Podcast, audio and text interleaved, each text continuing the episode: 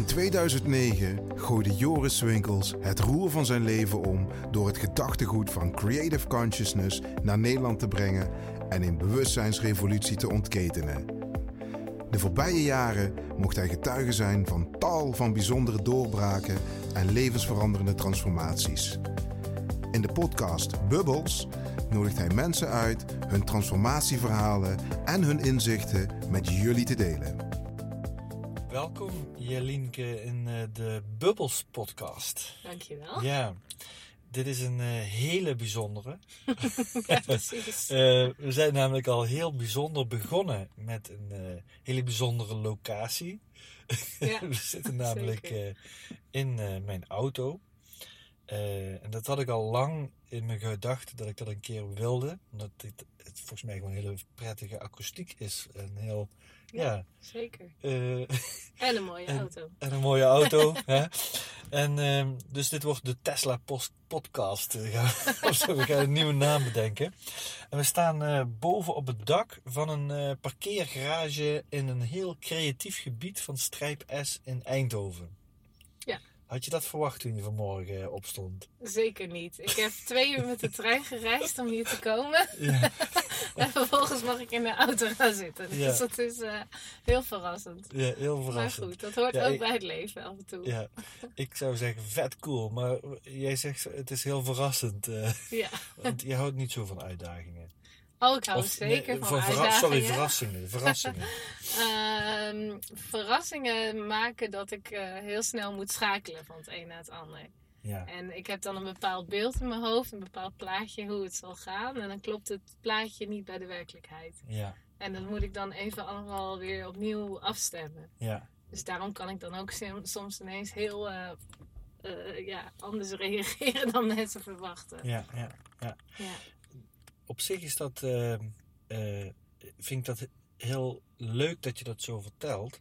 Want eigenlijk is dat wat iedereen eh, heeft bij verandering. Eh, maar de een doet dat wat bewuster dan de ander. Ehm, Ja. Want ergens projecteren we allemaal toekomst en hoe dingen zullen lopen. En zelfs tot in hoe mijn leven eruit gaat zien. En daar, daar, eh, daar voel ik me zoals ik me nu voel. Omdat ik denk dat mijn leven er op een bepaalde manier gaat uitzien. En als er dan in één keer wat verandert, dan krijg ik daar een enorme tegenslag van. Of depressie. En, eh, kortsluiting. ja, ja, en dan moet ik dat eerst weer opnieuw opbouwen om, om weer een goed gevoel daarbij te hebben. Maar Ja. dat is eigenlijk hetzelfde als wat je nu beschrijft, maar dan in een klein dingetje. En Of- bij mij duurt het dan ietsje langer voordat ik dat allemaal eh, verwerkt heb. Dus de Ja. puzzelstukjes eh, die landen wat later, zeg Ja. maar. Ja, ja, ja. Omdat mijn informatieverwerking wat trager of misschien preciezer is. Ja, ja, precies. Ben je daar zelf uit of dat trager of preciezer is? Ehm, ik hou van om preciezer te zeggen. En dat heeft ook mee te maken dat ik eh, heel veel details bij elkaar aan het puzzelen ben, zeg Mhm. maar. Want als er één ding verandert, bijvoorbeeld de locatie van zo'n podcast, ehm, dan zijn er heel veel dingen anders. Want dan weet ik niet of ik mijn boekjes wel neer kan leggen in de auto. Of, want ik had bedacht dat ik die dan op tafel neer ging leggen. Ehm, eh, ja, dus er zijn meerdere elementen die dan ineens anders worden. Ja, En Ja, dat ja, moet ik ja. allemaal even bij elkaar puzzelen. Van hoe zit het dan met het geluid? En uh, nou ja, Ja. zo. Ja, ja. hoe zit je dan tegenover elkaar? Of hoe zit je dan, dan zit je automatisch naast elkaar. En dan normaal Ja. misschien tegenover. Dus het zijn heel veel dingen die Mhm. erbij komen kijken als één dingetje van. Betekent dat dat jij ook heel veel eh, bezig bent met vooruitdenken, vooruitkijken, eh, hoe dat dingen gaan worden? Nee, juist niet. ik leef heel erg in het moment. Ja, Ja, ik Ja. ben niet zo van het anticiperen. nee, oké. Ja, ja. Nou, leuk. Je, je, eh, je benaderde mij over de podcast. En eh, je hebt daar een heel bijzonder onderwerp, vind ik. Wat ik eh, ja, net een kort voorgesprekje al over gehad. Ja, ik vind het wel heel bijzonder om dat te bespreken. Mhm. ja. Het lijkt soms misschien een heel klein onderwerp, maar het is eigenlijk misschien wel een van de allerbelangrijkste onderwerpen in ons hele leven of zo. Ja. Dus daarin is het eigenlijk ontzettend groot. Klopt. Ja. Ja. Eh, eh, want waar wilde je het over hebben in deze podcast? Waar ik het graag eh, over wil hebben is over verbinding maken. ehm, op dezelfde golflengte komen te zitten met een ander. connectie maken, zijn allemaal synoniemen. Ehm, en ja, dat is gewoon echt een fundamentele basisbehoefte van mensen. En ik coach ehm, mensen met autisme. En ik heb ook zelf een vorm van autisme. Vandaar dat hele stuk over eh, de andere informatieverwerking wat ik net vertelde. Ja. Ehm, en ik help hen om eh, verbinding te maken. Mhm. Juist omdat dat zo ontzettend belangrijk is. Want daar zit heel veel eenzaamheid, ehm, ehm, het gevoel van er niet bij horen. als je niet weet hoe je dat goed kan doen. Ja, ja, ja. En als je dat niet ervaart, die echte connectie met anderen. Even, eh, even één stapje terug naar het stukje eh, autisme. Ehm, ik heb er niet zo heel veel verstand van, maar ik heb wel eh, verschillende mensen met autisme. Maar ja, voor mij is het een verzamelnaam in, in trainingen gehad. En daarmee wel ja, een klein beetje een gevoel bij wat het is. Eh, maar ik heb ook het gevoel dat er een heel groot verschil kan zijn tussen eh, het, de ene persoon met autisme en de andere persoon. Ja. Of dat je hebt over een autisme spectrum. Mhm. Eh, waar zit jij ergens in dat spectrum? Hoe zou je... Nou, ik denk als ik opnieuw gediagnosticeerd zou worden dat ik eh, mild autisme zou hebben. En mijn zusje zei laatst zelfs van eh, ga eens een onderzoek doen, want volgens mij heb je het helemaal niet meer. want op dagen dat het gewoon hartstikke goed met me gaat, dan merk ik er eigenlijk heel weinig van. Ja. Ehm, maar ja, mild autisme zou het denk ik zijn. En dat heette voorheen Asperger. Betekent dat ook dan door vaardigheden te trainen dat autisme zou kunnen verminderen dan? Ja, maar het hangt wel heel erg samen met stress ook. Als je Mhm. veel stress hebt, heb je veel autisme. Als je weinig stress hebt, heb je weinig autisme. Ja. Ik ben ook trainer bij de Autisme Academie van Auticom. En dat is ook eigenlijk wel het uitgangspunt van die trainingen. Ehm, dus we leggen wel autisme uit, maar we leggen vooral de invloed van stress op autisme. Oké. Ja, ja, ja. Ja. Want dan wordt het allemaal veel eh, extremer of intensiever, de symptomen die je dan hebt. Nou, als je heel veel stress hebt, dan kan je niet goed meer nadenken. Mhm. Want ehm, je overlevingssysteem neemt het als het ware over. Dus je krijgt een vechten, vluchten of verstijfreactie. Ja. En dan gaat je denken uit of je gaat heel erg paniek denken, zeg maar. Ja. Ehm, ja, en dat, dat is natuurlijk lastig, ook als je het hebt over bijvoorbeeld sociale interactie. Mhm. Ja, ja, dat snap ik. Ja. Maar dat, dat is eigenlijk bij ieder mens zo, toch? Ja, dat is bij ieder mens zo. Alleen ze zeggen wel eens dat er bij autisme wel al een hoger stresslevel zit. Dus ik Mhm. moet wel heel erg mijn balans bewaken in mijn leven, merk ik. Ja. Echt, ehm, ik doe bijvoorbeeld drie keer per week yoga. En dat plan ik ook echt in in mijn agenda. Want ik weet gewoon, ik heb die momenten echt nodig voor mezelf om de rust te bewaren. Ja. Gisteren had ik een dag dat ik merkte dat ik gewoon veel te veel hooi op mijn vork had genomen. Gewoon een veel te druk weekend met super superveel sociale bezigheden. En dan merk ik wel dat ik helemaal kapot ben ineens. En overal weerstand in voel. Ik had jou bijna afgezegd. Ja.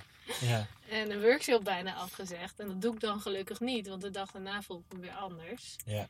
Maar ik moet wel heel erg goed letten op mijn balans. Ja, ja, ja, ja, ja, ja. Het prikkelt mij dan, denk ik, ja, goh. En voor sommige mensen zou het misschien goed zijn om af en toe een beetje dat eh, te hebben. Dat je, weet je, ik, ik denk dat wij in, in deze maatschappij zo door kunnen draven. En omdat we die, eh, de impact van uitbalans zijn eh, zo goed kunnen overroelen met allerlei ideeën daarover en beelden hoe het leven zou moeten zijn. En dat we ja, enorm uitbalans zijn vaak in ons leven. En een complete maatschappij creëren eromheen waar het hartstikke normaal is dat je helemaal uit balans bent. Ja. Terwijl als je iedereen een klein beetje autisme zou geven. Nou, ik weet niet of dat hem in autisme zit, maar ik heb gewoon eh, tools gevonden om mezelf in balans te houden. Ja. Zeg maar. Ja, En, ehm, Maar, omdat het, omdat, maar ook omdat het nodig het is is. nodig. Ja, Precies, terwijl, het is een noodzaak. ja, en, eh, Ja. Dat ze vinden, en dat, nu hebben we het dan over autisme. Sommige mensen hebben, zeggen bijvoorbeeld met overgevoeligheid of met, eh, hoe noem je dat? Eh, Hoogsensitief. hoogsensitiviteit. Ja. Van dat is, een, eh, is lastig. Maar, maar dan denk ik van ja, dat, dat, dat, dat is ook zo. Hè? Dus dat, dat snap ik ook. En tegelijkertijd denk ik van het is ook ergens een stukje goud. Eh, omdat je dus het leven niet zo kan inrichten zoals een heleboel mensen dat wel doen. Maar is dat een voordeel of, een, of een, een- is dat een nadeel of is dat juist een voordeel? Hm. En Ja. dat vind ik, eh, ja, Die hoogsensitiviteit herken ik mezelf ook heel erg in. En Ja. dat is ook een heel groot onderdeel van autisme. Dat je Ja? gewoon heel gevoelig bent. ja. Ja. Ja. Ja. Maar eh, dat heeft dus ook voordelen. Want ik voel dus gelijk, als we het dan over verbinding hebben. Ja. Ik voel gelijk of ik eh, met iemand eh, een goede resonantie heb of Ja. niet. Ja. Ehm, ik deed laatst een, eh, een training, eh, die volgde ik op het gebied van emoties Mhm. bij Vera Helleman. Echt een ja. waanzinnig Oh, goede trainer leuk. met autisme. Echt en waar? zij heeft dus eh, allemaal trainingen over emoties, boeken daarover geschreven. Ja, ik ken haar, ja. En dan vooral, oh je kent haar, Ja. Oh, wat leuk. Ja, ik ken haar niet persoonlijk, maar ik ken haar, haar werk. Ja, nou ja, ja. daar was ik dus op tweedaagse training. Ehm, en toen deden we een oefening waarbij we in cirkels stonden tegenover elkaar. En dat we gingen voelen eh, bij een bepaald persoon van eh, ja, wat je ervaarde eigenlijk in je lijf. En dan merk je dat je echt een soort andere energie hebt met de ene persoon dan met de andere. We moesten Ja. steeds doorschuiven dan Ja. weer naar de volgende. En ik heb daar een soort radar voor. En ik denk heel veel mensen met autisme. En wij kunnen er ook dus minder goed tegen over het algemeen. Ik zeg wij, maar iedere persoon met autisme is anders. Ja, Eh, als mensen een masker op hebben. En niet authentiek zijn. Mhm. zeg maar. ja, ja, ja. En dat was grappig tijdens die cursus eh, van Creative Consciousness. Ik heb de Master 1 gedaan. Nou, zo ken ik jou ook wel een beetje. Ja. Ik heb hem dan niet bij jou gedaan, maar bij Ja. een andere trainer. En ehm, dat was grappig, want ik deed op een gegeven moment de oefening. ehm, ik weet niet of de, of de kijkers die, eh, die kennen. Maar eh, Is It True? En dat ging over of je een act Ja. in je leven eh, opvoerde over bepaalde zaken of dat het waar was. Mhm. En het ging over tango's, over is het een act die je nu opvoert om, om aandacht te krijgen? Ja. Of is het, een, is het wie je echt bent, zeg maar. Ja. En ik dacht steeds van, oh, ik heb een act, dit is mijn act. En dan ging ik staan. en dan zei Nathalie, de trainster, zei... Nee, maar Jelinke, dit ben jij echt. Ga maar weer zitten. ja. En dan had ik weer, weer eentje bedacht. Ik dacht, oh wacht, misschien was dit al een act. En dan zei ze, maar heb je dit tegen die persoon verteld? Dat je het zo en zo en zo zag?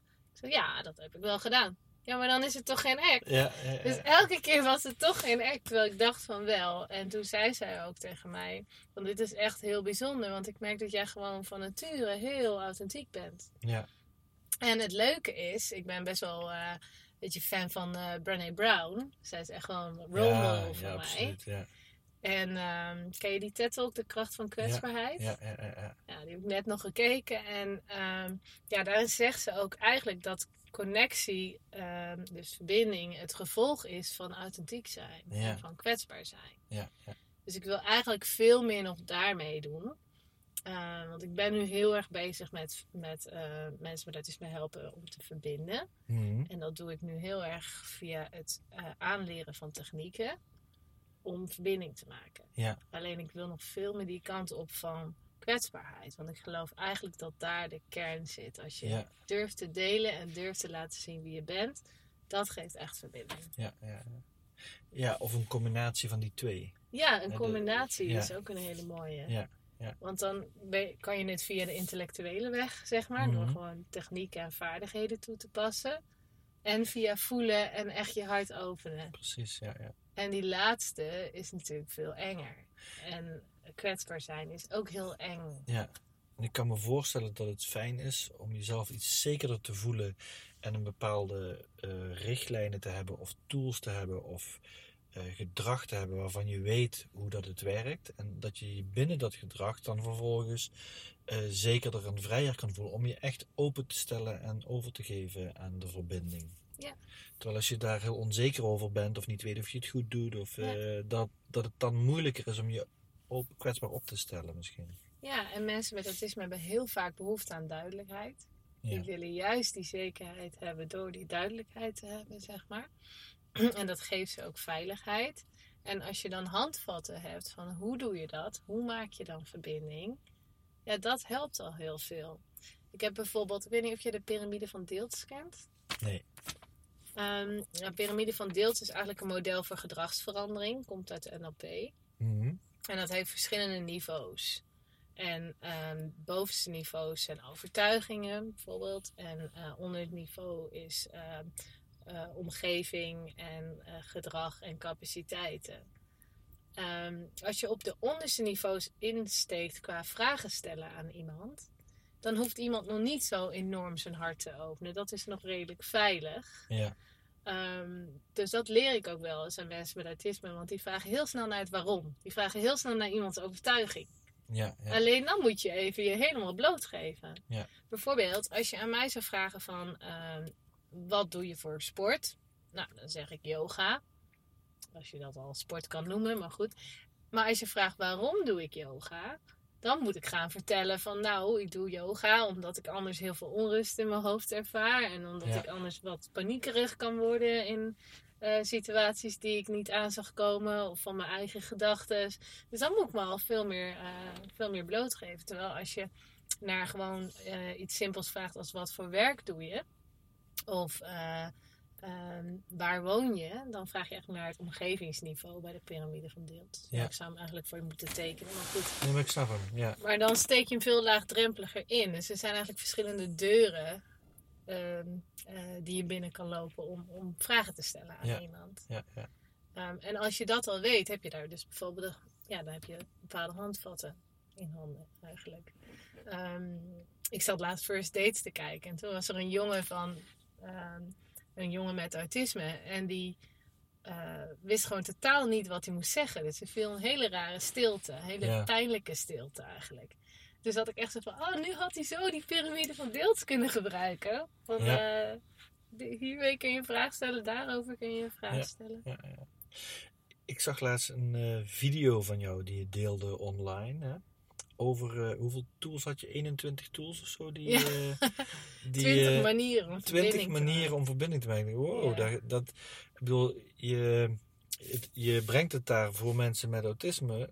Maar ik denk van ja, dat is niet nou specifiek waar mensen met autisme, daar kan de hele wereld wat aan hebben. Ja, en die 20 manieren, of, of in ieder geval bewustzijn te creëren over hoeveel manieren er wel niet zijn waarin verbinding tot stand komt. Ja. Of niet, als je dus niet bewust van bent. Of, klopt. Ja, en ik denk dat heel veel mensen zich daar dus niet bewust van zijn. Maar ik ben dat echt gaan ontrafelen van hoe kan je nou verbinding maken? ja, En toen kwam ik erachter van, hé, hey, maar ik heb in mijn studie heel veel dingen geleerd. Ik heb communicatiekunde gestudeerd.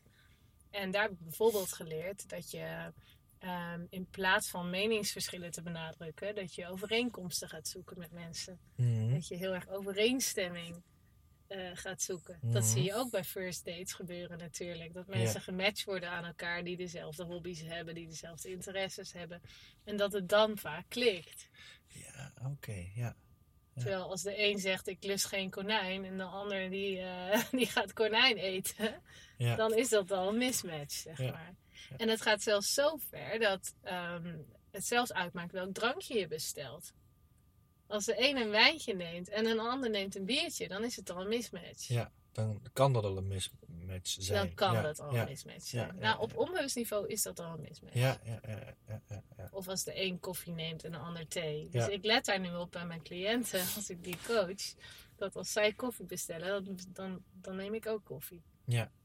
Om die verbinding dan in eerste Ja. instantie eh, tot stand te brengen op die manier. Ja, ja. En hetzelfde principe geldt voor ehm, matchen en afstemmen, zeg maar, spiegelen. Dat soort dingen. Dat je echt non-verbaal eh, spiegelt. Dus jij zit zo en ik zit ook zo Ja. met mijn handen. Ja. Kan je dat zien op beeld? Ja. Eh, een beetje, hè? Eh, dit is zo allebei, ja. ja. Dus voor degenen die alleen de podcast luisteren en niet het beeld zien, we zitten allebei met de handen gevouwen in de richting van elkaar hier in de auto. Ja. het is een spiegel van elkaar. Ja, en dat geeft dus verbinding. Als ik heel anders ga zitten met mijn hand onder mijn hoofd of zo, dan verbreek ik eigenlijk onbewust al de verbinding. Ja, ja, ja. En ik weet dus bewust dat ik de verbinding verbreek daarmee. Hey, eh, je, je had het net over NLP. Eh, je had het net eh, over eh, Creative Consciousness. Je hebt best wel veel trainingen gedaan eigenlijk al, hè? Ja, NLP heb ik niet echt een training in gedaan, maar binnen de opleiding tot autismevriendelijk coach ehm, gebruiken we heel veel NLP. Ja, Omdat de hoofdtrainsters wel NLP-training hebben gedaan en die hebben dat verwerkt eigenlijk in, in die opleiding. ja, Ehm, en sommige dingen werken heel erg goed eh, bij autisme. Mag ik een paar uitgangspunten noemen waar Ja, ik ja. van uitga? Ehm, nou, dat iedereen verantwoordelijk is voor de reactie op zijn communicatie. Iedereen is verantwoordelijk voor de reactie op zijn communicatie. Ja. Dus dat je altijd kan kijken, heb ik misschien iets anders gecommuniceerd dan ik wilde communiceren? Ja, ja. Heb ik misschien een andere intonatie eraan meegegeven Ja. dan ik wilde? In Mhm. plaats van dat je zegt, hoe bedoel je dat? Dat je zegt, bedoel je? Ja. Dat je daarom een bepaalde reactie terugkrijgt. Ja, ja, bezig met een cliënt bijvoorbeeld. Ehm, maar wat ik ook een hele belangrijke vind, en die heb ik ook in Creative Consciousness teruggehoord, is dat iedereen een ander beeld van de wereld heeft. Ja. En dat alleen is al zo belangrijk om te beseffen dat een ander dus dingen niet ziet zoals jij ze ziet. Vandaag had ik een coaching ehm, met een jongen en die ehm, zei dat hij het heel lastig vond om open vragen te stellen aan een ander. Maar waarom was dat? Omdat hij zelf een hekel had aan open vragen. Omdat dat onduidelijk voor hem was. Ja, ja, Maar daarmee projecteerde hij dat eigenlijk gelijk naar de ander. Dat hij dacht van, nou dan houden zij ook niet van open vragen. Dus dan doe ik dat maar niet. Ja. Terwijl ieder mens zit anders in elkaar. Dus er zijn ook mensen die open vragen heerlijk vinden. Ja. Zoals ik, dat ik lekker heel erg veel kan vertellen en een beetje kan sturen welke kant ik op wil. ja, ja, ja. Ja, dat is iets wat mij ook opvalt in de... eh, ik begeleid coaches in hun, in hun opleiding naar eh, het examen toe, hè, bij de coachopleiding. En eh, ja, dan luister ik een uur coaching terug hè, van een coach. En dan geef ik daar feedback op. Maar eigenlijk in de vraagstellingen die iemand vraagt, of in de reacties die iemand zegt, kun je bijna altijd iemands eigen overtuigingen terugvinden. Ja. En dat, ja, dat, dat, dat maakt eigenlijk dat, dat, eh, zelf, ja, dat co- zelfs coaching daar vaak toch een sturend karakter in heeft eigenlijk. Eh, terwijl Ja. idealiter zou je als coach helemaal eh, vrij zijn van agenda en vrij van eigen overtuiging om helemaal zuiver te ontvangen Ja, wat de ander De doet. Maar fair witness houding is dat. dat is heel Ja. moeilijk, hè? Ja, ik heb vandaag nog die fair witness houding behandeld. Dus dat je echt zonder, zonder oordelen, mening en advies eh, naar iets kijkt of naar iets luistert. Ja, Ehm, eigenlijk is dat eh, als je LSD gebruikt, moet je oma thuis laten. Ja. Ken je die? nee. Dus als je luisteren samen doorvatten gebruikt. Het Ja. samenvatten doorvragen. Ja. Sorry. Luisteren samenvatten doorvragen gebruikt. Dan moet je oordeling, mening en advies thuis Ah, laten. oma, ja. Ja, ja, ja. en, ja maar ehm, het, het punt vind ik wel is van, zijn wij ons bewust van onze oordelen en meningen? Want we in, in onze opleiding zit, zit in Creative Conscious zit heel diep in van wat de impact is van eh, je verhaal en eh, hè, de realiteit. En, en toch zie je dat mensen die daar helemaal doorheen zijn gegaan en heel intensief mee bezig zijn, nog steeds vragen stellen eh, vanuit hun eigen overtuigingen. Ja. Dus ja, dat, ik denk het is wel advanced, advanced, advanced als je dat helemaal los kan laten, denk ik. ja, Wat we zeker. wel trainen trouwens in de opleiding. Ja. Ja. Ja. zeker. Ja, je kan wel ehm, ehm, af en toe mensen erop wijzen, cliënten erop wijzen, dat ze een bepaalde overtuiging Ja. hebben en daar naar laten kijken. Mag trouwens een raampje open, want het Ja. wordt hier heel Het wordt heel warm hier in de auto, ja. We zullen even Voordat ik straks uh, flauw vallen. hier flauw val, ja. Als er treinen voorbij komen, dan zetten we hem wel een beetje dicht. eh. Want ik legde hem iets uit en toen zei hij van nou, oh, ik heb het alweer verkeerd gedaan. En dat zei hij hardop. En toen zei ik van oh, even opletten. Ehm, wat gebeurt er nu? En ehm, ja, toen, toen had hij eigenlijk ook van zichzelf door, oh ja, ik zeg iets heel onaardigs eigenlijk over mezelf. Want ik heb het alweer verkeerd gedaan. Ja. En dat was voor hem een patroon dat hij het op die manier zei. Dus toen hebben we ook gekeken wat zou een helpende overtuiging zijn. Ja. Meer constructieve overtuiging. Nou, en dat is, eh, ik heb al heel veel geleerd weer. Ja. Ja. Bijvoorbeeld. Hey, eh, je had het net over verbinding. Hè? Mhm. Ehm, eh, ook in het voorgesprekje kwam eigenlijk naar voren dat ehm, veel mensen met autisme het stukje verbinding eh, echt, ja, volgens mij horen mensen dat helemaal niet. Heel erg op de achtergrond. Dat mensen met autisme dat stukje verbinding nog kunnen aanleren. Of in ieder Mhm. geval heel veel stappen daarin kunnen maken om veel meer verbinding aan te gaan. Ja. En eh, zeg maar, met dat als doel ben jij verbinding heel erg gaan onderzoeken. Ja. Ja? Ja, ik weet niet of dat het doel was, maar het is zo dat ik mijn hele leven al daarmee bezig ben. En Ja. ehm, af en toe heb je zo'n moment van connecting the dots. Ken je Ja. die talk van Steve, eh, Ja. eh, Steve Jobs? Jobs. En ik had eigenlijk pas begin dit jaar zoiets van: er is een overkoepelend thema wat ik de hele tijd zie. Ja, En dat is eh, communicatie en he- in het heel specifiek verbinding maken. ja, Want ehm, ik heb verkoopwerk gedaan. En ik ben ooit begonnen in een callcenter toen ik 18 was. En toen vond ik het heel erg leuk eh, om uit te zoeken van hoe werkt dat nou? Ehm, met bijvoorbeeld het script opdreunen. En wat gebeurt er dan op het moment dat je iets zegt? Mensen zeggen nee. Eh, hoe kan ik het anders doen? Hoe kan ik zorgen dat ik meer rapport bouw eigenlijk? Dus dat ik dus meer een connectie opzet met iemand. uh-huh. Ehm, en ik heb ook kranten verkocht. En tijdens het krantenverkopen kon ik er heel mooi uittesten. uit eigen krantenabonnementen, weet je wel. Ja, van ja. eh, eh, die jongens in die rode jasjes en zo. Die Ja. eh, in drukke winkelcentra staan. Nou, zo iemand ben ik dan geweest. Ehm, meisjes dan. en ehm, ja, daarmee was het zo dat... ehm, eh, dat ik echt kon uittesten van hey, de dingen die ik tijdens mijn studie leer, bijvoorbeeld dat focus op overeenkomsten, werkt dat ook in de praktijk? Ja. En dan ging ik daar heel bewust naar op zoek.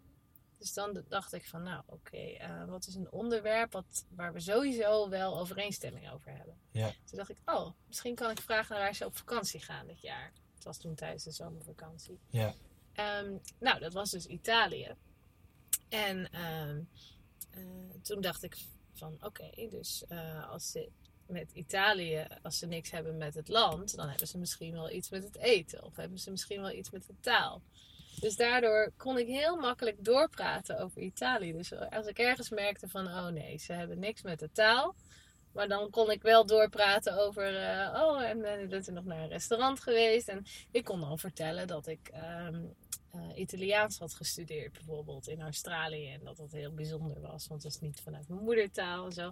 Maar ik ging heel erg op zoek naar een onderwerp waar we overeenstemming op Ja. hadden. Ja, ja, ja, ja. Dat is eigenlijk een beetje. En ehm, ehm, ja, ik heb gewoon bepaalde technieken steeds weer proberen, het, ja, proberen te testen in de praktijk. Zeg Ja, maar. ja, ja. En ehm, bijvoorbeeld toen ik het jaarprogramma 365 dagen succesvol deed, toen was ik ook constant bezig met dat soort opdrachten over verbinding maken en eh, omgaan met andere mensen en hoe dat allemaal werkt.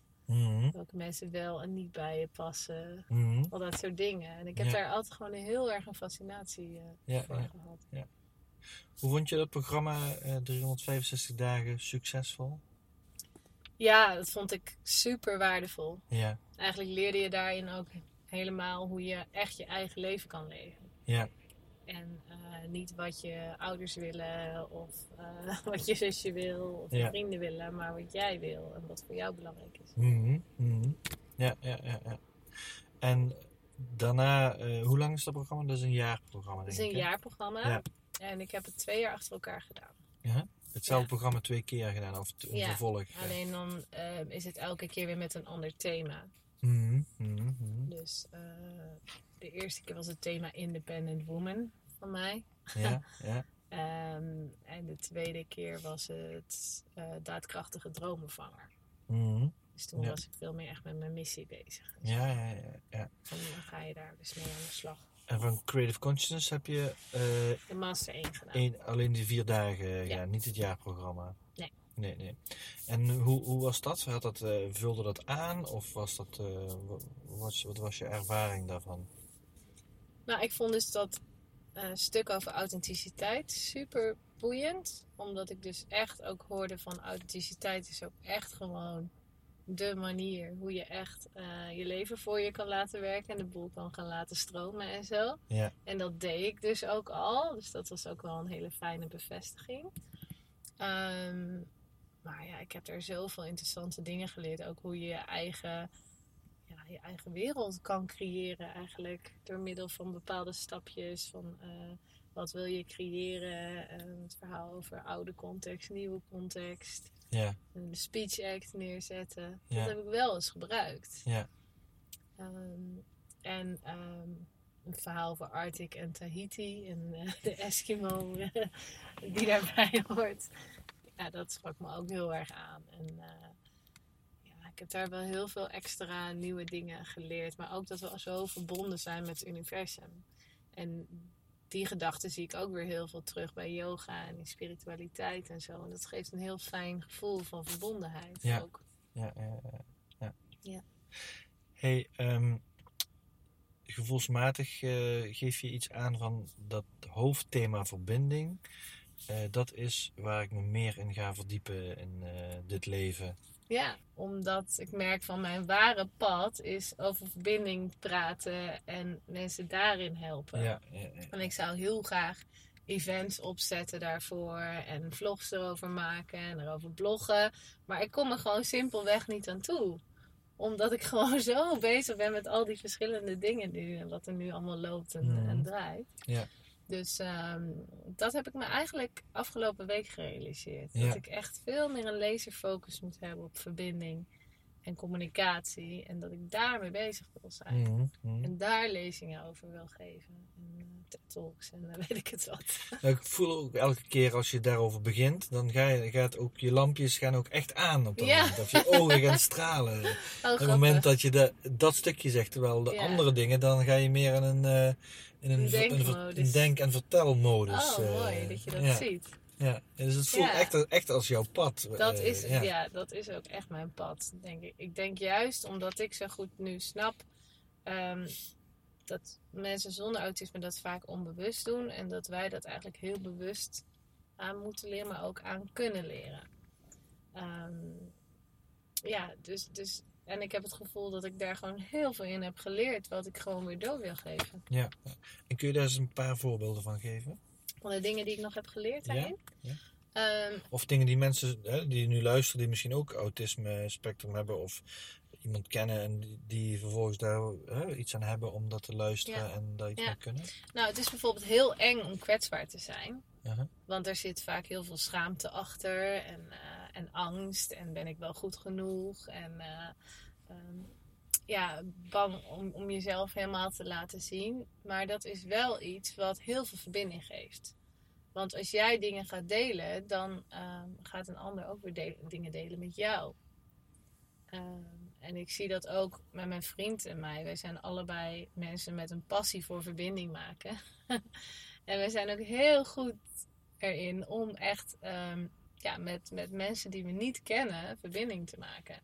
Echt binnen no time heb, heb ik nieuwe vrienden. En dat komt ook gewoon doordat ik gewoon ben wie ik ben, authentiek ben. Dus ehm, ehm, ja, echt zeg wat er in me omgaat.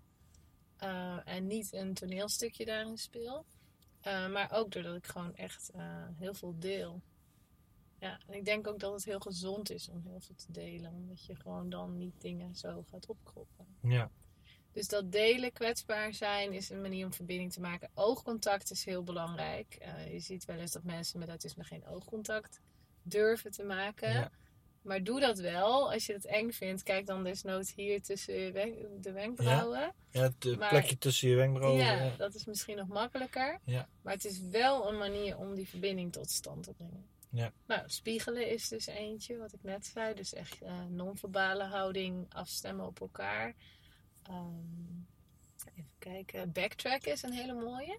Wat backtracken is, en dat is iets wat mensen vaak niet kennen, want het is iets wat we nu in die, eh, in die cursus geven van autismevriendelijk coach. Maar backtracken is dat je letterlijk de woorden herhaalt van iemand. Mhm. En dat is wel heel gaaf, omdat je daarmee heel goed kan aansluiten bij de belevingswereld van de Hmm. ander. Ja. Dus je gaat niet dingen zelf interpreteren, je gaat niet invullen, maar je herhaalt echt letterlijk die woorden. En ook als je een vraag stelt, herhaal je letterlijk de woorden. Eigenlijk wat jij net ook deed. Want je zei net iets over verbinding, kan je daar nog wat over vertellen? Ja. Ja. Ja. ja, mooi. Dat, dat sluit ook mooi aan bij wat je net zei. Dat iedereen in zijn eigen wereld leeft. Eh, of iedereen heeft, iedereen ziet de wereld anders. Maar dat komt eigenlijk omdat iedereen in zijn eigen bewustzijn zijn eigen wereld projecteert. Ja, zijn zijn eigen filter heeft iemand. Ja. Eigen interpretatie, zou ik moeten zeggen als ik jou backtrack. ja, precies. En- Ehm, En, en dat- dat, komt weer uit je opvoeding en eh, Precies. conditionering. En, Maar dat leeft als taal in mensen. Ja. En eh doordat je als de ene persoon iets zegt en de andere herhaalt dat in zijn eigen woorden, uit zijn eigen wereld, in eigen taal, dan voelt iemand zich vaak, nee, nee, dat bedoel ik niet. ja, Dan denk je, ja, maar ik zeg toch hetzelfde? Ja. Nee, je zegt niet hetzelfde. Ja. Je zegt, en dan komt het omdat er net een andere intonatie of net een ander woord gebruikt wordt, wat voor de een toch weer een andere betekenis heeft. Precies. En het letterlijk herhalen daarvan, ja, dat geeft iemand het gevoel van, haha, eindelijk, Gehoord die snapt worden, me. gezien worden. Ja. ja, bijvoorbeeld van een jongen komt thuis eh, en eh, zijn moeder vraagt heb je een leuke dag gehad? En die jongen die zegt eh, ja, ik heb een prettige dag gehad. Bijvoorbeeld, ja, dat matcht niet. Leuk en prettig. Het is een andere woordwaarde. Ja, ja. Ja. En het is ook nog eens een keer dat voor de een overigens prettig weer wat anders kan betekenen dan voor een ander ook wel. Ja, ook nog. Dus ja, en dat is natuurlijk met elk woord zo. Ja. Met elk woord, dat zie je ook bijvoorbeeld met eh, hele belangrijke waarden in je leven. Je kan er een eigen interpretatie aan geven. Wat bijvoorbeeld vrijheid is voor mij, is misschien wel heel iets anders voor jou. Ja. Vrijheid is voor mij als ZZP'er werken bijvoorbeeld. Eh, en je eigen mening kunnen uiten. Maar ik weet niet hoe jij vrijheid ziet. Ja. Weet je wel? Dus dat, dat, dat, eh, je kan altijd een andere invulling hebben bij een woord. Daarom is dat ook zo gevaarlijk. En je Ja. neemt eigenlijk dan ehm, eh, je eigen systeem en dat leg je zo op op die ander. Ja. Zo van, dit zijn al mijn woorden, neem die maar allemaal aan. Terwijl je wil eigenlijk aansluiten bij de wereld van die ander. En inderdaad, jij zei het net heel mooi over dat taal, hoe zei je dat? Je innerlijke... Nou, dat, dat, ehm, kijk, de wereld zoals hier buiten is, die bestaat niet zoals ik hem zie. Ik, zie- ik zie die omdat er signalen in mij komen die ik projecteer in mijn bewustzijn. Dus die wereld die ik zie, die leeft, er is wel iets hier buiten, maar die signalen daarvan, die projecteer ik in mijn bewustzijn. En daar wordt het de wereld die ik zie. Ja. En de manier waarop ik dat projecteer is door taal. Want taal is mijn, zeg maar, mijn symboliek voor ergens betekenis aan te geven. Ja. En in taal bouw ik dus die interne wereld. En eh, ze zeggen ook wel van, eh, wat is het, eh, Wittgenstein zegt dat, je kunt een wereld waar je de taal niet voor hebt, kun je niet binnendringen, binnengaan. Ja, Dus als ik jouw taal dat niet is met snap, die Eskimo's, met die 50 soorten sneeuw. bijvoorbeeld, ja. Ja, Dus die wereld van die Eskimo, die heeft 50 of 36 verschillende niveaus van sneeuw. Dus, maar ik kan die wereld van hem kan ik niet vatten, niet snappen, als Ja. ik niet die distincties, die, dat onderscheid van die 36 soorten sneeuw kan eh, hebben. precies. Ja, En ik kan jou niet vatten als ik niet eh, vat in welke taal dat jij jouw wereld opbouwt. Ja. En als ik dus alles vanuit mijn taal, vanuit mijn wereld benader, ja, dan, dan stel dat, hè, stel wij hebben, wij hebben geen relatie, maar stel dat wij een liefdesrelatie zouden hebben, dan hebben we het over de, onze relatie. Mhm. Maar alsof, wij, alsof er iets leeft wat, eh, wat, een, wat onze relatie zou zijn. Dat dat een ding is waar wij samen naar kunnen kijken. eh, net zoals een stuur van een auto. Mhm. Maar in feite bestaat dat helemaal niet. Er is één keer een relatie in mijn bewustzijn die dan gaat over onze relatie. En er zou dan een relatie zijn in jouw Ja. bewustzijn over Ja. onze relatie. En we, we denken dan dat dat hetzelfde is. Ja. Het zijn twee compleet verschillende dingen. Waar we- en daar komen alle conflicten uit voort. Ja, klopt. Maar wat je wel ziet is als je dezelfde soort kernwaarden hebt met iemand, dat je dan minder conflicten hebt. Omdat je Mhm. dus al een soort ja, basiswaarden hebt die overeenkomen. Ja. Als je allebei authenticiteit als kernwaarde hebt bijvoorbeeld, dan gaat dat veel makkelijker dan als je twee totaal verschillende waarden hebt. Ja, ja. En eh, als je allebei openheid als kernwaarde hebt, is het natuurlijk veel makkelijker dan als de een openheid als kernwaarde heeft en de ander heeft, eh, heeft juist eh, lekker alles voor jezelf houden. Ja, ja. Ik ken geen mensen die dat hebben als waarde, maar Nou, nou, er zijn wel mensen die als waarde hebben van de wereld is gevaarlijk. En je moet niet alles eh, laten zien, want dat is niet, ja, niet gevaarlijk. Dat is, is gevaarlijk of dat ja, is niet nou, gewenst. dat zou niet matchen met mij in een relatie. Het gaat zo goed tussen mij en mijn partner, omdat we allebei die openheid super belangrijk vinden. Hebben jullie daar ook aan gewerkt om eh, die waarden van elkaar te leren kennen? Of, eh, Ja, eigenlijk onze eerste gesprekken gingen al over waarden. Dat is Ja? heel grappig. Toen hadden we nog geen relatie. ja? We zijn samen naar Australië geweest en dat was voordat we naar Australië gingen. En ik heb ook op basis van die waarden van hem besloten dat ik met hem wel in Australië kon reizen. Ja. Oké, Ja, ja. omdat hij dus verbinding had als, als kernwaarde. Eh, en die openheid. Dus dat we het ook tegen elkaar konden zeggen op het moment dat we dachten van nou, we willen nu even eh, apart van elkaar verder reizen. Ja, ja, ja, ja, Of ja. eh, ja, dat je dingen uit kon spreken. En dat vond ik heel erg belangrijk. Ja. Ja. Oké, en toen, hoe lang zijn jullie toen gaan reizen samen? We hebben, ehm, nou we zouden eigenlijk, zouden we dus een weekje samen optrekken met een campertje. Maar uiteindelijk werd de camperreis 12 dagen. Van Perth naar Melbourne. En toen zijn we in Melbourne nog een paar dagen geweest. En in Sydney nog iets van 10 dagen. Dus uiteindelijk waren we wel vier weken samen op pad. En we hebben 5000 kilometer met een campertje gereden. En echt de hele weg door gesprekken gevoerd. En eh, elkaar zo goed leren kennen. En dat was heel erg leuk, omdat we waren gewoon vrienden. Dus we hadden niks te verliezen. Ja, En pas daarna is het wat geworden. Dus Ja. we kenden elkaar al door en door voordat het wat werd. ja, ja, ja. Dat heeft heel goed gewerkt. We hebben nu een jaar een relatie. We hebben Ja. het afgelopen weken gevierd. Gevierd, wat leuk. Ja. Ehm, relatie, ja, dat is natuurlijk iets wat, ehm, waar verbinding heel belangrijk is. Maar waar ik me ook voor kan stellen dat mensen met autisme spectrum ook best wel eh, last in kunnen hebben in Mhm. relaties. Ja. En eh, relaties onderbouwen, eh, onderhouden, eh, verbinding hebben daarin. Ehm, kun je daar nog iets over vertellen hoe dat is volgens jou? Of wat je daarmee kan doen? Het verschilt wel heel erg per persoon. Het is ook niet gezegd dat iemand met autisme het beste een relatie kan hebben met iemand met autisme. Want dat is ook geen garantie voor succes per se. Lijkt me soms misschien Eh. extra moeilijk nog, of niet? Ja, het verschilt dus ook weer per persoon, Ja. denk ik. Ehm, maar die wederkerigheid, dat is vaak wel wat lastiger voor mensen met autisme. Dus om, eh, en om echt aan te voelen wat die partner nodig heeft. Dat vind ik Mhm. soms lastig. Mhm. Dus het is wel heel belangrijk dat die partner dat ook uit kan spreken.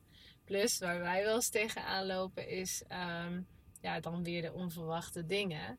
Ehm, dat hij bijvoorbeeld een beslissing heeft genomen om een bepaalde baan te gaan doen. En dat hij dat dan heeft besloten dat hij dat dan elke avond maar gaat doen. Een schoonmaakbaantje heeft hij erbij.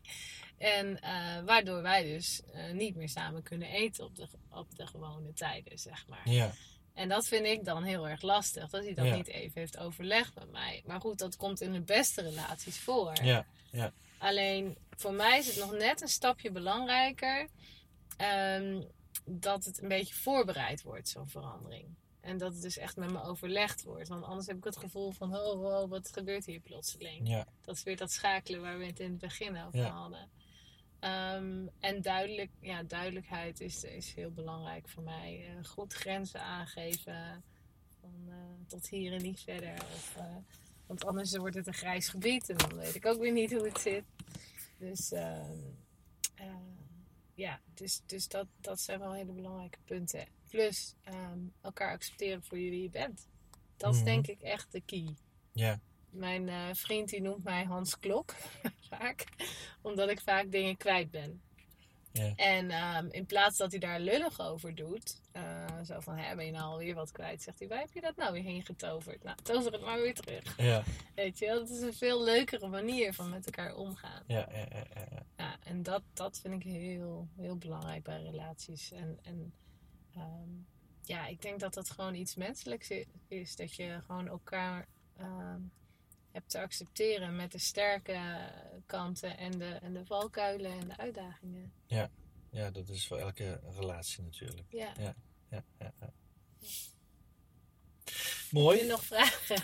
Nou ja, eh, ja, het stukje verbinding. eh, ik, eh, ik heb het idee dat daar nog heel veel over te, te delen is. Hè, vanuit.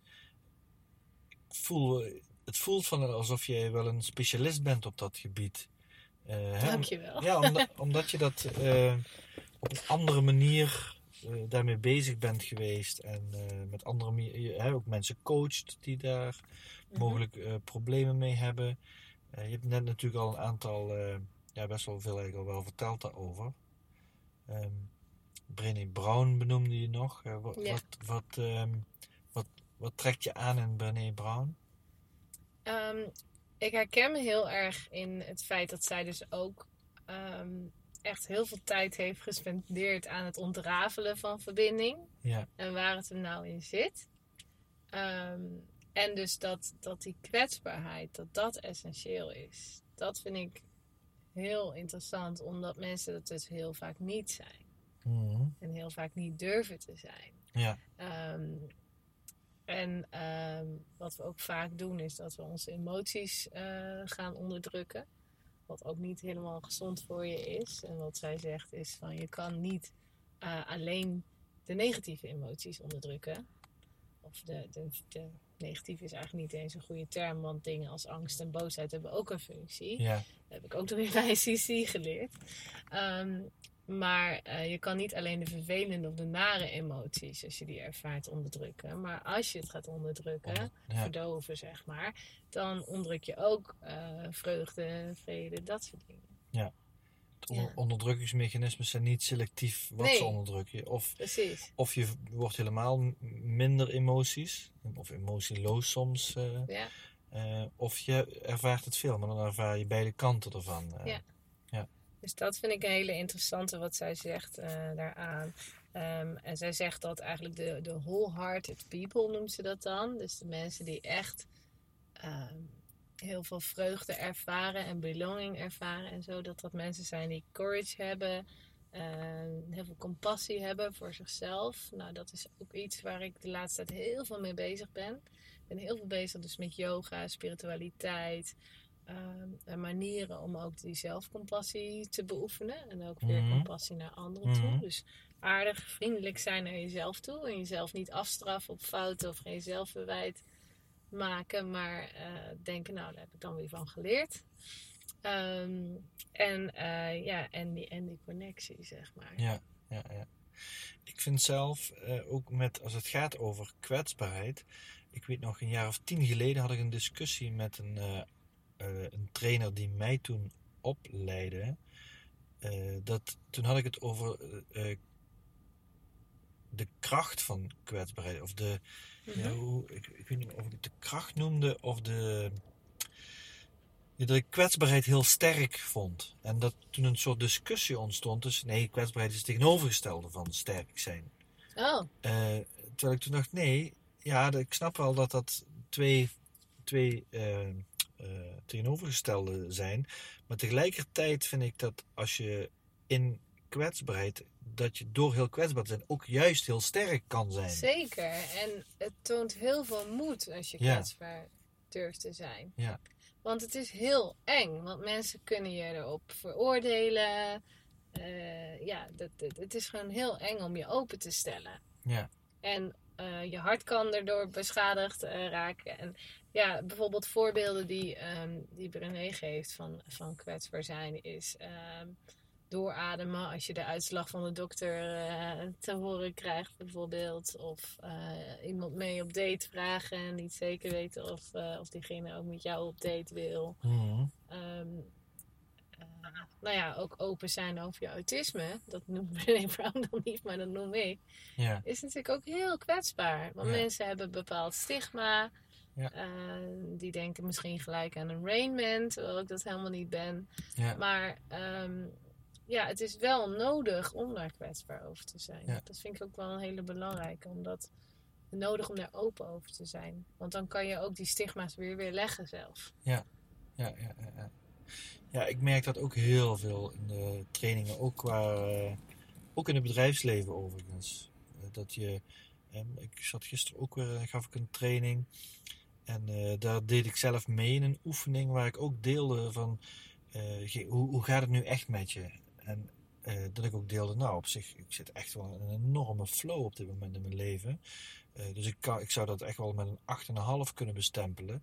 Maar als ik alleen zeg dat het een 8,5 gaat, dan ben ik eigenlijk niet helemaal eerlijk. Want eh, eh, vanmorgen En gisteren en een paar dagen terug voelde ik me ook enorm kloten. Of een enorme vier. Of weet ik van, misschien wel een drieënhalf. En dat deelde ik in zo'n groepje. En dan aan de andere twee zaten echt te kijken van... Wow, eh, jij bent de trainer hier en jij zegt dat je een uur op de bank gaat liggen... en over een halve dag en je een drieënhalf voelt. Eh, Ja. En ik denk, vroeger had ik dat misschien niet gedeeld. Dan denk ik, ja, dat kan ik toch niet als trainer... kan ik toch niet delen dat ik me op de bank lig en een drieënhalf voel. Maar juist dat wel delen, nou, Ja. dat opende die mensen zo enorm van... ja, Ah, dus ik ben helemaal niet zo stom en ik ben, het is helemaal niet zo slecht met mij. En, oh, en dat, ja, dat, dat, dat geeft meteen zo'n verbinding. ja, als trainer ben je ook niet perfect, want je bent gewoon een mens, weet Ja, je wel. ik ben ver En van als misschien. coach ben eh, ik ook niet perfect. nee, ik bedoel, nee. ik heb een aantal keer gehad, en dat heb ik ook op Facebook gedeeld. Want dat vond ik ook heel kwetsbaar om te doen. Was dat ik een paar keer tijdens een sessie, ehm, tijdens verschillende sessies, de verbinding met mensen verloor. Ja, En ik merkte dat wel, maar op dat moment kon ik niet snel genoeg daarin schakelen om die verbinding. hoe zeg je dat? Nou, wat, wat er gebeurde was, dan heb ik een vooropgezet plan. En ehm, dan heeft iemand net iets meegemaakt of zo. En dan stap ik daar een beetje overheen, omdat ik met mijn vooropgezet plan door wil. Ja. Alleen op dat moment merk ik dat wel en dan pak ik hem wel terug. Ja. Maar ik heb dat wel gedeeld, omdat dat wel iets is wat kan gebeuren. Dat je ineens voelt als coach van, oh, ik ben die verbinding met de cliënt kwijt. En dan is het Ja. wel heel belangrijk dat je er weer, weer naar handelt. En dat je wel gaat proberen die verbinding weer te herstellen, zeg Ja. maar. En daar niet overheen stapt. En dat merk je dan doordat eh, zo'n cliënt dan ineens een vluchtreactie geeft. Als in, eh, nou, eh, misschien moeten we wel wat minder sessies gaan doen. Of een beetje afwezig wordt en eh, eigenlijk niet helemaal meer bij is. ja, Dat zijn eigenlijk allemaal verschillende vormen van vluchtreacties. ja. Of dat het proces dat stuk loopt, of eh, de energie van het proces omlaag gaat. Of mensen vast komen te zitten of niet meer zo goed weten wat ze dan moeten delen. ja, en nu benoem ik dat gewoon als ik dat zie van hé, hey, wat is er aan de hand? Er gebeurt hier iets. Mhm. Bijvoorbeeld vandaag bij de jongen die dus ineens die overtuiging had. Ik, want ik, hij had hem niet eens uitgesproken, maar ik zag hem op een bepaalde manier nadenken. En toen dacht ik, wat gebeurt er nu met jou dat ik zeg dat, het, dat ik het eigenlijk zo had bedoeld in plaats van zo had bedoeld, zoals je het vorige keer had opgevat. En toen zei hij wel van ja, nu denk ik nu, ik heb het alweer verkeerd geïnterpreteerd. En toen ben ik met hem die overtuiging gaan onderzoeken. Ja, ja, ja, ja, ja. Dus ik benoem nu wat ik zie eigenlijk. Ja. Ja. Dus ik ben er nu alerter op dat ik afstem. Mooi. En dat, dat is ook heel krachtig eigenlijk, omdat je daarin dan niet de interpretatie hebt, maar gewoon als je alleen maar benoemt wat je daadwerkelijk ziet in het hier en nu, ja, dat is heel open ook voor de ander om er ook naar te kijken zonder zich aangevallen te voelen of Ja. zonder zich te hoeven verdedigen. Ja. En ja, dan vanuit daar kun je samen weer verder Ja. gaan. En mensen met autisme gaan graag in detail. Dus ik heb ook wel eens gehad dat een cliënt helemaal in detail ging. Alleen dat ik op de klok zat te kijken van, oh, we hebben nog 10 minuten. En toen zei ik van, ja, oké, maar heel eventjes een niveautje hoger. Waar wil je nu precies naartoe met dit verhaal? Ja, En dat diegene dus zich helemaal niet gehoord en gezien meer voelde. Ja. En hoe ik toen dat heb opgelost, was door kwetsbaar te zijn. ja, ja. Door ja. te zeggen van, hé, hey, ik herken dit hartstikke goed. Want ik ging net ook hartstikke in detail om jou even iets uit te leggen. En ik doe precies hetzelfde. Ja. Dus daarom herken ik het bij jou dat jij nu in detail gaat. Ja, ja, ja, ja. En toen was het weer oké. Toen hadden we die verbinding weer terug samen. Dus ook weer door kwetsbaar te zijn, krijg je die verbinding weer. Mooi, mooi. Ja. Ja. Hey, ik heb zo nog drie afsluitende vragen die ik in de Bubbles podcast vraag. Maar voordat ik die ga vragen, zijn er nog dingen die jij voorbereid hebt waarvan je zegt, nou, dat eh, wil ik nog iets over eh, Oh vertellen. Nou, ik, ik heb me in ieder geval voorgenomen dat ik eh, voor mezelf eens eventjes met die vier stapjes aan de slag ga van Creative Consciousness. ja, Eh, van wat wil ik nou creëren en wat was de oude context en wat wil ik als nieuwe context en wat Ja. is de speech act en de creation question. En wat ik voor mezelf heel graag wil creëren is dat ik dus echt puur gefocust ga zijn op dat verbinding eh, stuk en op lezingen geven daarover. Eh, dus de speech act van, eh, nou, zullen we zeggen, aan het eind van de maand heb ik eh, drie lezingen over verbinding, bijvoorbeeld. ja dat, dat zeg je nu. Ja, dat zeg ik dan nu. Ja, cool. Heel cool. Ja, Ja. dus dat wil ik weer meer in gaan zetten. Mhm, mhm. Ja. Ehm, wat zijn de mensen die, waar je het liefst mee zou verbinden ehm, om dit soort lezingen te geven ehm, of om het werk te doen wat je doet? Weet je, ik vind Vera Helleman een heel inspirerende spreekster. Ja. Dus. Eh, nou ja, Brené Brown natuurlijk ook. Dus dat zijn wel echt een beetje die role Ja. models. Ja. Eh, maar het is grappig dat je het vraagt, want ik zit er wel aan te denken om in de toekomst. Maar het is natuurlijk gevaarlijk om dit nu gelijk uit te spreken, maar ik ga het wel doen. Om in de toekomst ook wat meer ehm, spirituele events te organiseren. Omdat het echt eh, om verbinding gaat met ehm, anderen, maar natuurlijk ook met jezelf. Ja, Want als jij niet echt verbinding met jezelf hebt, is het ook heel lastig om verbinding te krijgen met anderen. Ja. En het is ook weer vaak een projectie, hè, wat in je leeft, dat projecteer je naar buiten.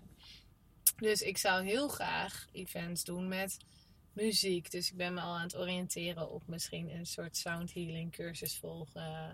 eh, misschien in Bali, maar dat is allemaal nog helemaal niet zeker. klinkt eh, Maar daar ben avontuurlijk. ik al wel eh, naar aan het kijken. Ja. En eh, ik zou heel graag samenwerken met een yogadocent eh, ehm, die ik ken van een yogaschool waar ik, waar ik zelf zit. Ehm, zodat zij misschien wat yogales kan geven. Ik zou zelf heel graag yogales willen geven. Dus dat is een beetje een 1 tot 5 jaren plan.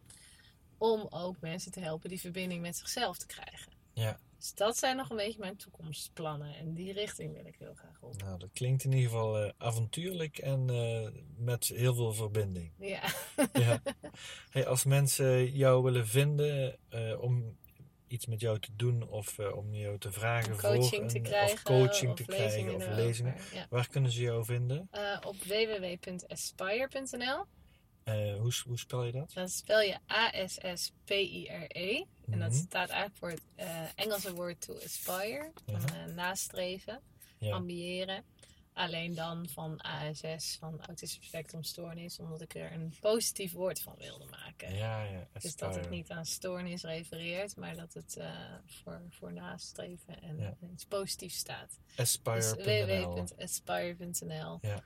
Ehm, en info.aspire.nl is mijn eh, e-mailadres. E-mailadres. Nou. Ja. Hey, de drie vragen die ik aan het einde van een bubbels eh, stel. Eentje die gaat over eh, dat wij als mensen, die, die wereld waar wij het over hebben in ons, dat iedereen in een andere wereld leeft.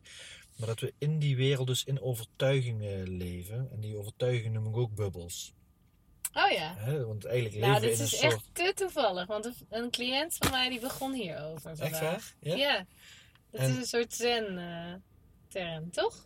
Ik heb geen idee, maar... Dat zei hij. Nou, ik, wat ik me voor me zie is zeg maar dat we met betrekking tot overtuigingen in zo'n bubbel leven. En dan kijken we dus door die bubbel naar de wereld. En zo ziet de wereld er dan uit. Tot je in één keer in een training zit of eh, er gebeurt iets. Of je hebt een hartaanval of je krijgt een auto-ongeluk. En in één keer wordt zo'n bubbel doorgeprikt. Dan zie je, hé, hey, Mm. wacht even. De hele wereld ziet er helemaal niet zo uit. Het ziet er echt helemaal anders uit. Oh ja. He- Heb je dat wel eens meegemaakt eh, in je leven? Of wat, wat is een, een bubbel waar je ooit doorheen geprikt hebt? Poeh, had je die vraag niet Even kunnen mailen? tevoren, ja. ja. Even nadenken. Dus een situatie die Ja, zijn, heel anders bleek te zijn in het zijn er echt momenten dan, eh, geweest dat je bijvoorbeeld bij 365 zat of bij Creative Consciousness zat en zag van... Hé, hey, wacht even, het zit toch anders in elkaar dan dat ik dat altijd gezien heb. Ehm, ik heb een hele hoop bubbels doorgeprikt door die training eh, van, eh, over emoties. Ja, Ehm, bijvoorbeeld angst. Ehm, ik dacht altijd als ik angst voelde dat dat me wilde vertellen dat er sowieso iets ging gebeuren. Hè? Want Ja. anders zou ik die angst niet voelen. ja, Of dat angst me wilde vertellen van als ik angst voel dan kan ik het niet aan, dus moet ik het maar niet doen. ja, Alleen dat is niet wat angst je wil vertellen. Angst is dat je bezig bent geweest met allemaal externe dingen buiten je. Ik was bijvoorbeeld toen ik in Bali was, was ik heel bang dat er een aardbeving zou komen. Of ehm, eh, dat er apen waren die me gingen bijten als ik naar de Monkey Forest zou gaan. Of dat er moskieten met dengue waren. Maar dan dacht ik ook gelijk als ik één muggenbult had, dat, dat ik dengue had. had. Ja, Maar ik was bezig met allemaal externe dingen. En angst vertelt je eigenlijk, je mag de leiding weer terugnemen. Ja. Dus je hebt de leiding extern gelegd en je mag hem weer terugnemen. Dus dat was voor mij wel echt een eye-opener. Van, eh, wow, oké, Ja. dat is dus wat een emotie je kan vertellen. Wat nog een eye-opener daarin was, is dat emoties dus feedback geven op je overtuigingen. Mhm. Dat vind ik ook heel interessant Heel wat zij ja. zegt. Dus dat ze eigenlijk jouw eh, niet constructieve overtuigingen, destructieve overtuigingen, in de kiem willen smoren. Ja. En zeggen van, hé, hey, let eens op, dit is niet goed voor je dat je dit Ja. nu gelooft. Ja, boeiend. Ja. Ja, dus dat vond ik wel echt een mooie. Mooi. Nou, daar had je hem niet voor nodig om, eh, op de e-mail van tevoren. Nee, Hey, en de, de tweede vraag, die Ja. eh, heb je denk ik ook al wel een beetje beantwoord, maar dat gaat over eh, bubbly energy. Eh, dus het gevoel van levendigheid. Mhm. Ehm, wat doe jij eh, om het gevoel van levendigheid te ervaren? Of te onderhouden, of je levendigheid op peil te houden? nou, ik volg vooral dingen waarbij ik vreugde ervaar. Ja, Dus als ik een vorm van vreugde ervaar, bijvoorbeeld enthousiasme ervaar, of eh, ehm, een vorm van genieten, of eh, nou, door het dolle heen zijn, eh, is nooit zo heel gezond, want dan raak je jezelf een beetje kwijt. Maar in ieder geval, als je ergens in die emotiegroep vreugde, dat is ook weer Vera Helleman, eh, een emotie ervaart, dan moet je het doen. Dat Ja, sowieso. dan, ja, om dat te volgen. Ja, Follow the joy. en dus echt mijn missie volgen. Ik denk als ik echt bezig ben met die missie, met communicatie, met verbinding, dat ik daar heel blij van word. Dat Ja. zei je al, van, eh, dan gaan mijn ogen Ja, eh, ja, precies. Nou, dat, dat wou ik, dat, ik wou het al invullen voor je. Als ik voel dat het over verbinding gaat, Ja. dan gaat jouw bubbly eh, energy omhoog. Ja, want ik vind dat zo fundamenteel. En dan kan ik ook echt verschil maken. Want daar zit hem gewoon die eenzaamheid ook bij mensen met autisme. Ja, ja. Dat het soms niet lukt. Ja. ja. Snap hem Dus, helemaal. eh, nou, en verder reizen vind ik heel erg leuk. En bij mijn vriend zijn is ook heel erg fijn. Ook heel bubbly. Ja, ook heel Ja. Ja. Oké, de laatste die gaat over het eh, proosten met bubbels. Over eh, van waar, waar ben je heel erg trots op van, je, van het laatste jaar of van jezelf. Ik ben trots op dat ik mezelf zo goed ken. Dat ik inmiddels heel veel zelfinzicht heb opgedaan. Dat ik eh, nu al weet hoe dat zit met overtuigingen en belemmerende gedachten en, en al die dingen. Ja, En dat ik nu al weet hoe dat zit met emoties. Ehm, ik ben trots op mijn master die ik heb gedaan in Australië. ja, Dat is nog steeds wel echt dat ik denk, hoe heb ik dat voor elkaar gekregen? Gewoon echt een anderhalfjarige master in Australië. En Ja. ehm, in advertising was dat. En daar ook een soort van, nou, cum laude, weet ik niet of het echt was, maar met distinction afgestudeerd. ja. Daar ben ik wel heel trots op. Nou, Ja. mooi, mooi. Heel mooi. En ik vind het gaaf eh, ja, dat je een voorbeeld bent ehm, eh, voor mensen ook die met autisme eh, zi- zitten of kampen. En ja, laat zien dat je, dat je echt je leven kan creëren volgens je eigen missie. eh, Zeker. ja, dat Ja, en daar hoeft je autisme helemaal niet bij in de weg te staan. Sterker nog, ik denk dat het een voordeel is, want we kunnen heel goed focussen. Ja. Dus als je echt daar je laserfocus op zet Ja. En je wilt echt heel graag, dan, dan, dan lukt dat wel. Nou, super. Ja. Mag ik jou bedanken voor deze podcast? Ja, heel graag gedaan. Jij ook bedankt. Vond het superleuk in de auto. Ben jij ook toe aan een bruisender leven of een bubbelende business en denk dat Joris daarin kan helpen? Bezoek dan onze website. Neem contact op via www.bubbles.cc. Tot de volgende bubbels.